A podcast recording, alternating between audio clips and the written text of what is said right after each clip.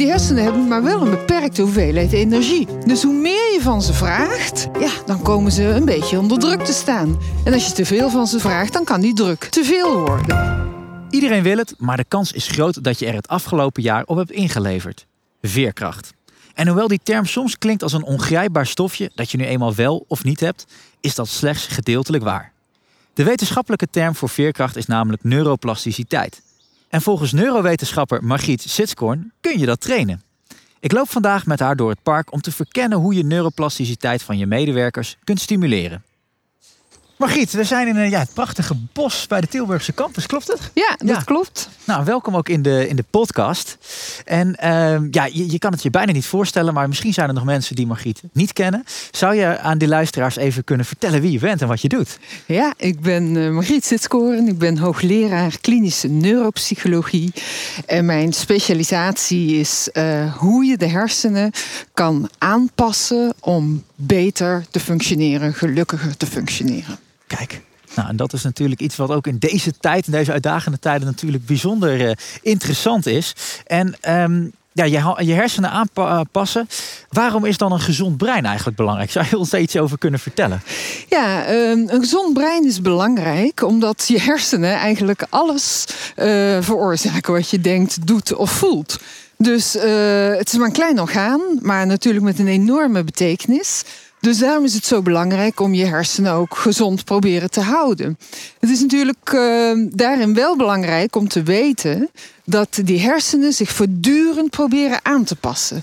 En dat aanpassingsvermogen is groter als je bepaalde dingen doet en je hersenen gezond houdt.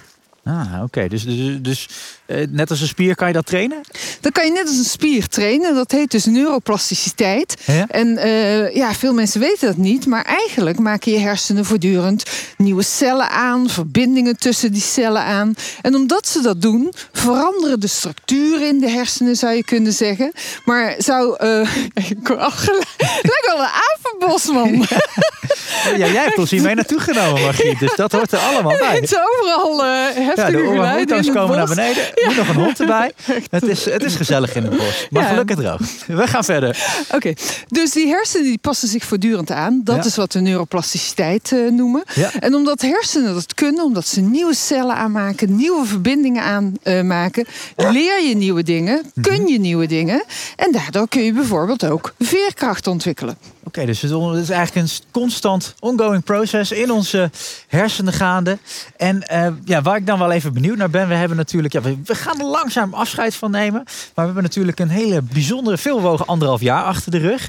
Kan jij een beetje duiden wat dat met onze bovenkamer heeft gedaan? Ja, ontzettend veel. Want wat eh, heeft corona veroorzaakt? Het is eigenlijk dat we allerlei automatismen hebben moeten doorbreken. En dat is moeilijk. Want we hebben door de jaren heen van alles ontwikkeld. Door dingen vaak te doen. Dan eh, ontwikkel je bepaalde verbindingen in de hersenen. En hoe sterker die verbindingen worden, hoe makkelijker het wordt om die dingen te herhalen. Ja. Nou, en zo worden dingen automatismen. Maar door corona moesten zelfs dingen veranderd worden waarvan we dachten die zullen nooit veranderen.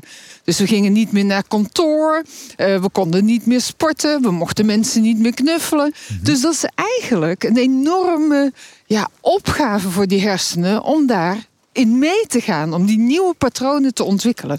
Oké, dus, dus daar- daarin zijn we enorm uitgedaagd. En, en, en- wat doet het dan met, met, met ons brein? Wat is het gevolg daarvan dat ons brein het daar moeilijk mee heeft? Nou ja, dat levert dus eigenlijk stress op. Die hersenen die kunnen heel veel en die doen ook heel veel. Maar die hersenen hebben maar wel een beperkte hoeveelheid energie. Dus hoe meer je van ze vraagt, Ja. ja, dan komen ze een beetje onder druk te staan. En als je te veel van ze vraagt, dan kan die druk te veel worden. En we dachten natuurlijk in het eh, begin van, eh, van COVID, toen dachten we natuurlijk van nou, dit duurt maar even. Mhm. Hè, we pakken het met z'n allen op. En toen werd het langer. En het werd langer.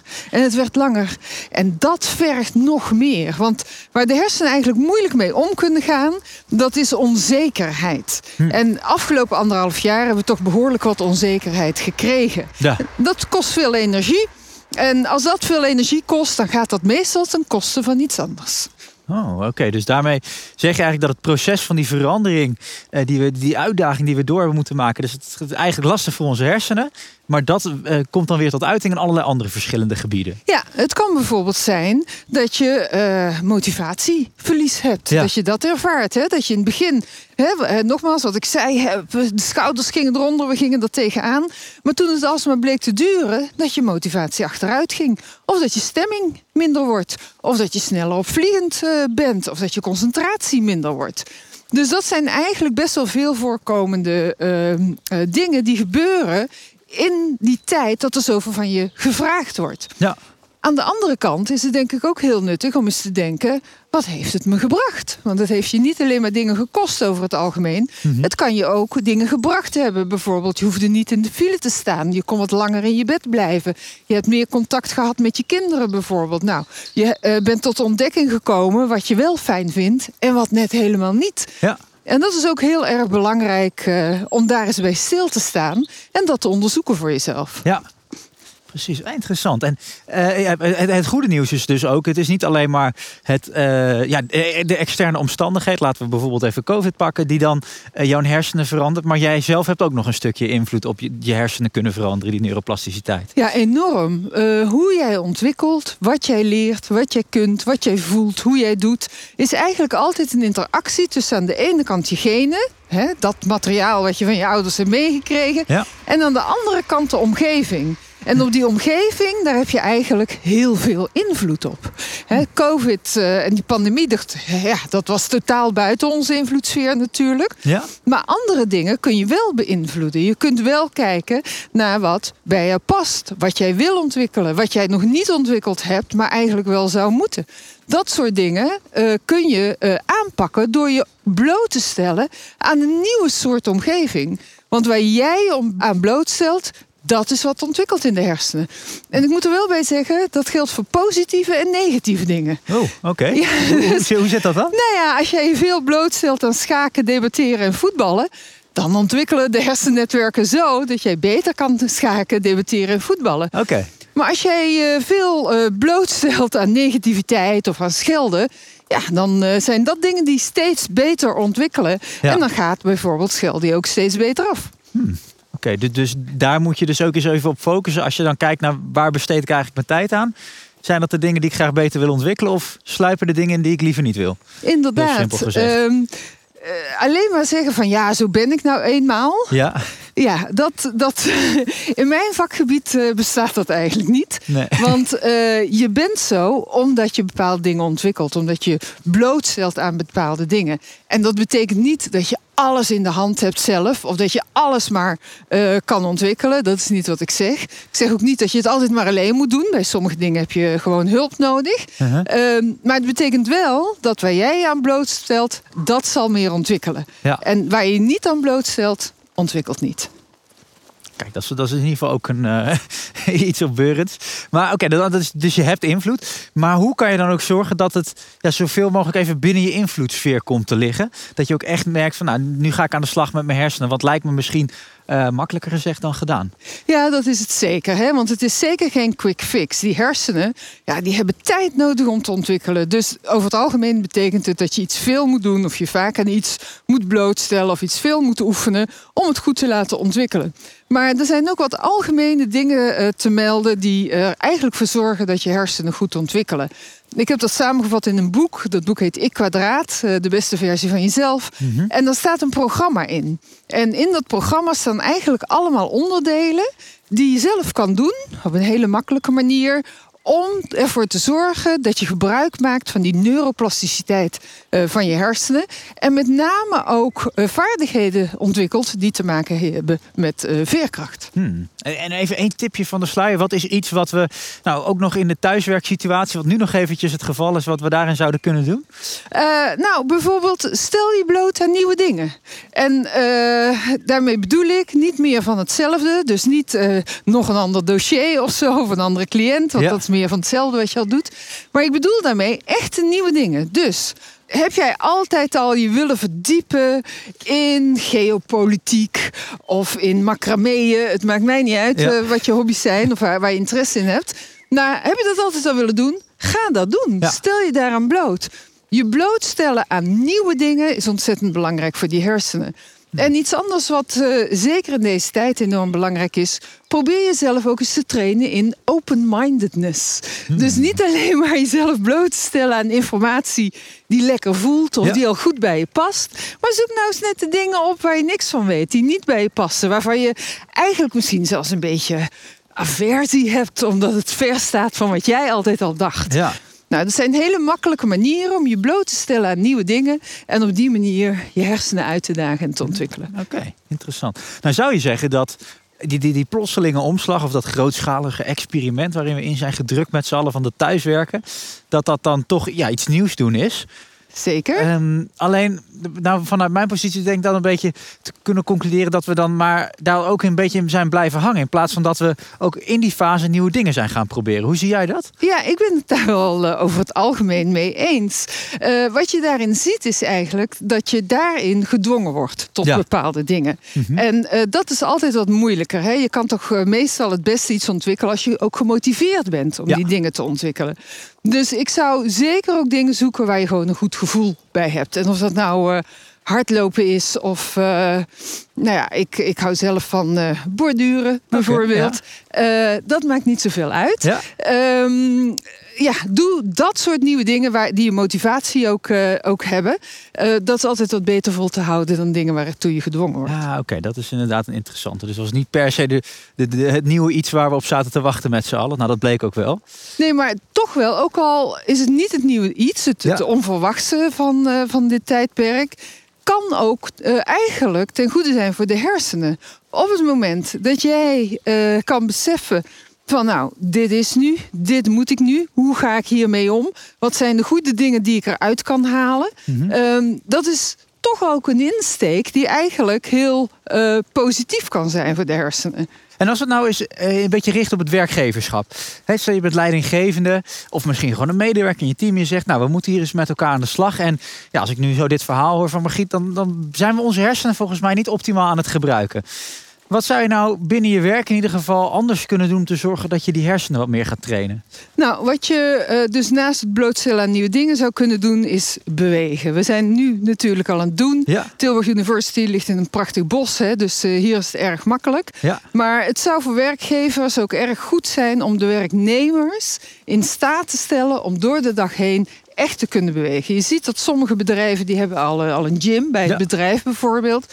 Maar ook als dat niet is, dan kun je natuurlijk van alles verzinnen om niet uren achter elkaar achter je bureau te zitten, maar tussendoor te bewegen. We weten dat dat eigenlijk direct goed is voor je hersenen en uh, de kwaliteit van je werk, maar ook uh, van je leven ten goede zal komen. Ja, oké. Okay, dus dat zijn al die beweegmomenten. En als je die dan nu even in dat ja, remote of hybride tijdperk van werken pakt dan denk ik gelijk aan van hé, dan is het eigenlijk raar dat we onze agenda ook gelijk alleen maar vol plannen. Dan moet je eigenlijk ook met elkaar een momentje hebben zegt, dan gaan we niet aan het werk. Ja, dat moet je zeker doen. Ik uh, zelf uh, doe dat regelmatig ja? uh, eigenlijk in mijn agenda. Ik blokkeer dingen er tussendoor of ik laat wel automatisch, want ook heel vaak worden automatische afspraken van een uur ja. gemaakt. Maar ja, dat is heel raar. Dat, omdat dat het makkelijkste is te plannen, ja. technisch in je agenda gebeurt dat ook. Maar je zou dus kunnen zeggen, we plannen een uur, maar we doen niet langer dan drie kwartier ja. bijvoorbeeld. Zodat iedereen ook tussendoor even kan bewegen. Want wat je nu merkt, met, met name als je met Teams of Zoom of wat dan ook uh, met elkaar praat, is dat alles maar achter elkaar wordt doorgepland. Ja. En uh, ja, dat is eigenlijk helemaal niet goed om dat dag in dag uit te Nee, want dan rook je je brein op. Of, uh... Nou ja, daar komt het wel op neer. Ik bedoel, je moet continu en zitten en switchen. En je mag niks anders kun je tussendoor doen. Ja. Uh, nou, dat is natuurlijk geen normale situatie. Dat Nee. is uh, op kantoor lopen we af en toe nog net toilet of net koffiezetapparaat.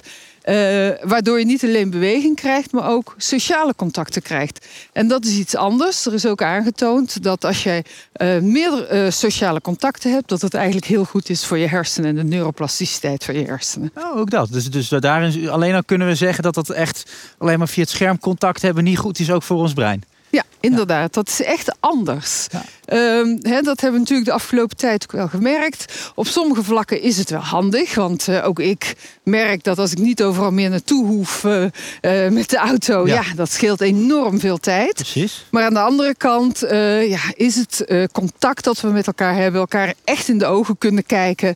eh, ehm, eh, nieuwe ideeën die zomaar ontstaan omdat je elkaar toevallig ergens tegenkomt. Ja, dat missen we enorm. Ja. En dat is echt iets wat de hersenen nodig hebben: goed sociaal contact. Ah, interessant. En wat ik ook nog wel benieuwd naar ben, en dat is nu iets wat we ook ja, in toch die nieuwe vorm van werken eh, ja, meer gaan zien, is die werk-privé-balans. Dat is sowieso een beetje verstoord in, in dat coronatijdperk. Hoe, hoe zie je dat? Eh, Kijk jij daar naartoe als onderzoeker, werk-privé-balans in je brein? Ja, ik, ook daar eh, zie ik niet alleen een verantwoordelijkheid voor de werknemer, maar ook voor de werkgever. Mhm. Er wordt toch wel vaak gezegd dat wij eh, eh, allemaal, natuurlijk hebben we allemaal een eigen verantwoordelijkheid, maar sommige dingen zijn zo dwingend Ja. en ja, werken zo sterk in op de hersenen dat het heel erg moeilijk is om daar zelf continu de juiste keuze in te maken. Ja. Ehm, iedereen heeft bijna tegenwoordig zijn agenda en zijn mail op zijn telefoon. Mhm. Dat betekent dat als je je ogen open doet 's ochtends, eh, dat je meteen kan checken, dat je s'avonds meteen kan checken. Ja. Nou, en daarvan weten we ook dat dat eigenlijk niet zo goed is voor de hersenen. Want dat betekent inderdaad, wat je al zei, dat ontspanning en inspanning en werk en privé, dat dat volledig door elkaar eh, doorloopt. En dat je eigenlijk altijd in je hoofd zit met dingen die nog moeten. Ehm, ik raad mensen ook wel eens aan, in plaats van alleen maar aan je to-do-lijst eh, te werken, Ja. zou je eigenlijk ook moeten werken aan een to-don't-list. Mooi. Ja. Eh, ja, dus vooral ook voor jezelf bepalen, prioriteiten stellen. Wat wel, wat niet. En daarin ook wanneer wel en wanneer niet. Oeh, dat is een hele mooie. En dit zou je dus ook misschien niet alleen moeten doen, maar juist ook maak het dus bespreekbaar in je team. Zeker, maak het bespreekbaar eh, met elkaar. Want bij heel veel van dit soort dingen zul je merken dat ja, eigenlijk iedereen daar wel mee zit. Ja. En eh, we leven nog steeds wel een beetje in de maatschappij waar je eigenlijk altijd het liefste wil zeggen dat je 24 uur per dag werkt, nauwelijks slaapt en het altijd druk hebt. Ja. Eh, maar dat moet er echt een beetje af. Dat dient niets of niemand. Ja, Niet jezelf, niet het bedrijf. nee. En dat is dus ook eigenlijk iets wat je als werkgever, misschien juist in deze wat uitdagendere tijden, wel wat meer aan mag zetten. Dat het Ja, juist zeker. niet een goed teken is als je te betrokken, te druk bent. Ja, we weten ook dat als je heel veel multitaskt bijvoorbeeld... en als je to-do-list oneindig is... Dat, dat de kwaliteit van het werk niet ten goede komt. Maar ook eh, mentale en fysieke gezondheid van mensen niet ten Hm. goede komt. Dus dat is zeker iets om eh, ja, wat meer over na te denken. Ah, mooi. Nou, we, zijn eh, bijna aan die duizend stappen, Margriet. Eh, mijn laatste vraag. Eh, nou, nou moet je dit natuurlijk, eh, je hebt dit gehoord, dan ga je dit bespreekbaar maken in het team. En wat, wat zijn nou de eerste zaken waar je met elkaar op moet gaan zitten? En laten we hierover het, is, is, is het gesprek met elkaar gaan voeren om dat brein ja, wat gezonder te behandelen. Ja, ik zou met elkaar eens bespreken wat willen we eh, behouden. Wat veranderd is in coronatijd. Dat heeft mij heel veel gebracht. Ja? En wat willen we absoluut niet? Wat missen we van de traditionele manier van werken? Wat bracht ons daar heel veel? Dus daar zou ik eerst eens over gaan praten. Hm. En ook waarom? Waarom eh, is dat nou net goed of net eh, niet goed? Dus ik denk dat dat een van de eerste dingen is. Het tweede eh, ja, is toch dat je eigenlijk in je dagindeling een soort variatie moet hebben. waarin zowel bewegen als denken als rust een goede balans hebben. Dat is eigenlijk iets anders wat we zouden moeten doen. Mooi. Dat is ook een goede de balans tussen bewegen, rust en denken. Dat die mooi terugkomt in je agenda. En dat zal waarschijnlijk bij eh, heel veel luisteraars nog niet in optima forma het geval zijn. Margriet, mag ik je hartelijk danken voor je inspiratie. Zeer zeker, heel graag gedaan. Dat waren de duizend stappen met Margriet Sitskoorn. En hopelijk heb je nu een iets beter beeld van hoe invloed uit te kunnen oefenen op je hersenen en wat neuroplasticiteit precies inhoudt. En ga met elkaar het gesprek voeren over wat je behoudt van het werk op afstand en vooral ook waar je afscheid van gaat nemen. De to-don't list is een hele belangrijke. Als je hebt meegelopen, complimenten en wil je nou nog meer inspiratie? Ga dan naar www.zilverenkruis.nl/zakelijk.